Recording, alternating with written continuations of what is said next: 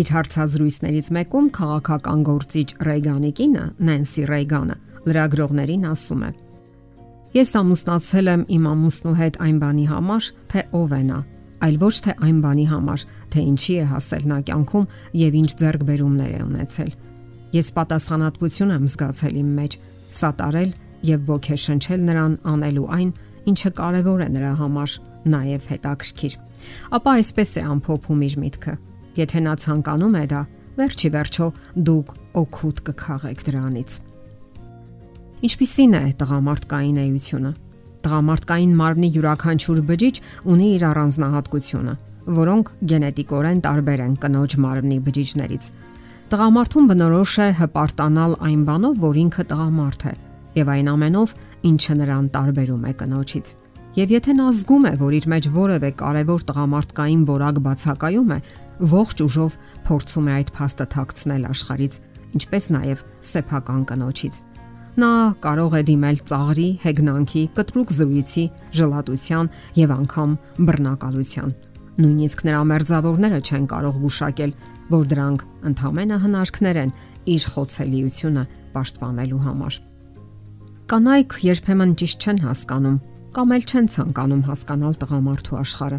չեն ընկալում նրա արժե համակարգը։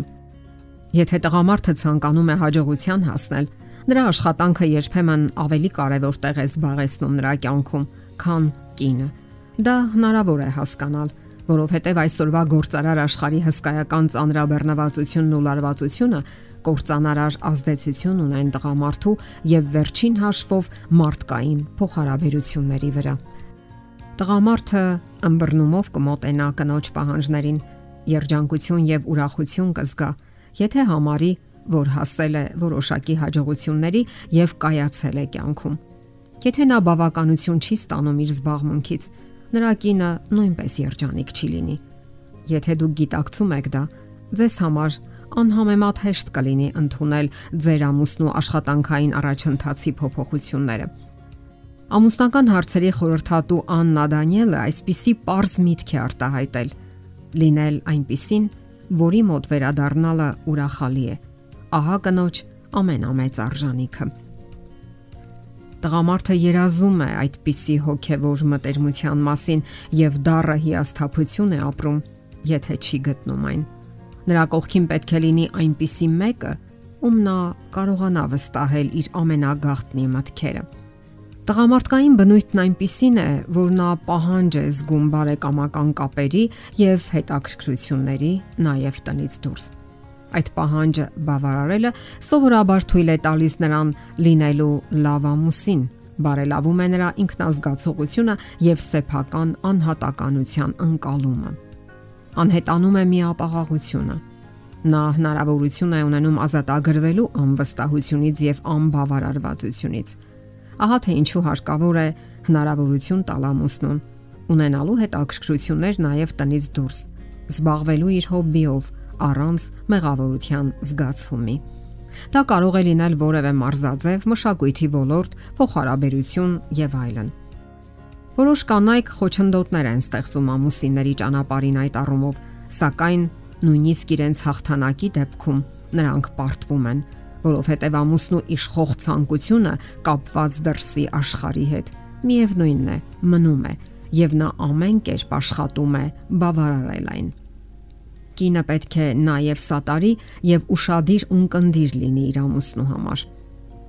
Նա պետք է հասկանա, որ տղամարդը դժվար հանգամանքներում կարիք ունի ուրشادիր ունկնդրի, այլ ոչ թե մի մարդու, որ գիտի բոլոր հարցերի պատասխանները։ Երբ տղամարդը բացում է իր հոգին, ցանկանում է, որ կինը չընդհատի իրեն, այլ լսի ուրشادիր եւ ընդ որում կարեկցական հոգով։ Եթե կինը այնպիսի կեցվածք է ընդունում կարծես գիտի բոլոր հարցերի պատասխանները,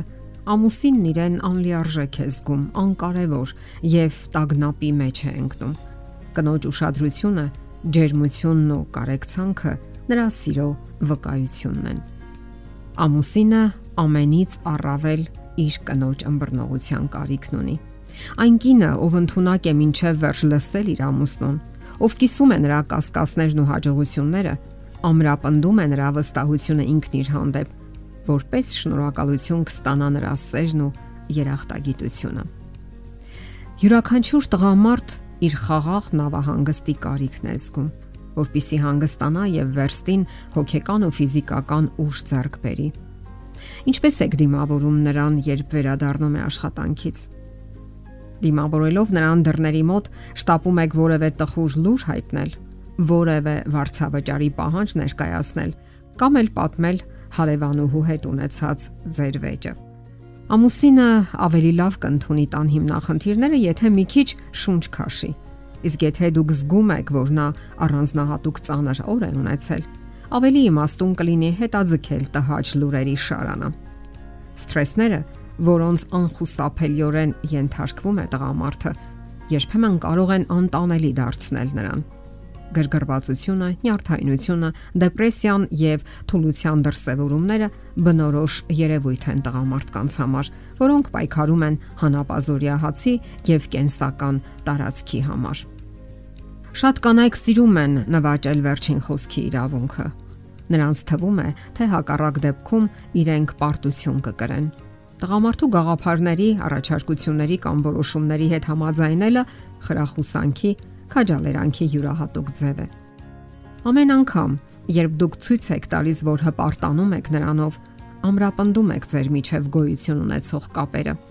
Որքան գեղեցիկ լինեն հավերժական սիրո մասին մեր ունեցած պատկերացումները։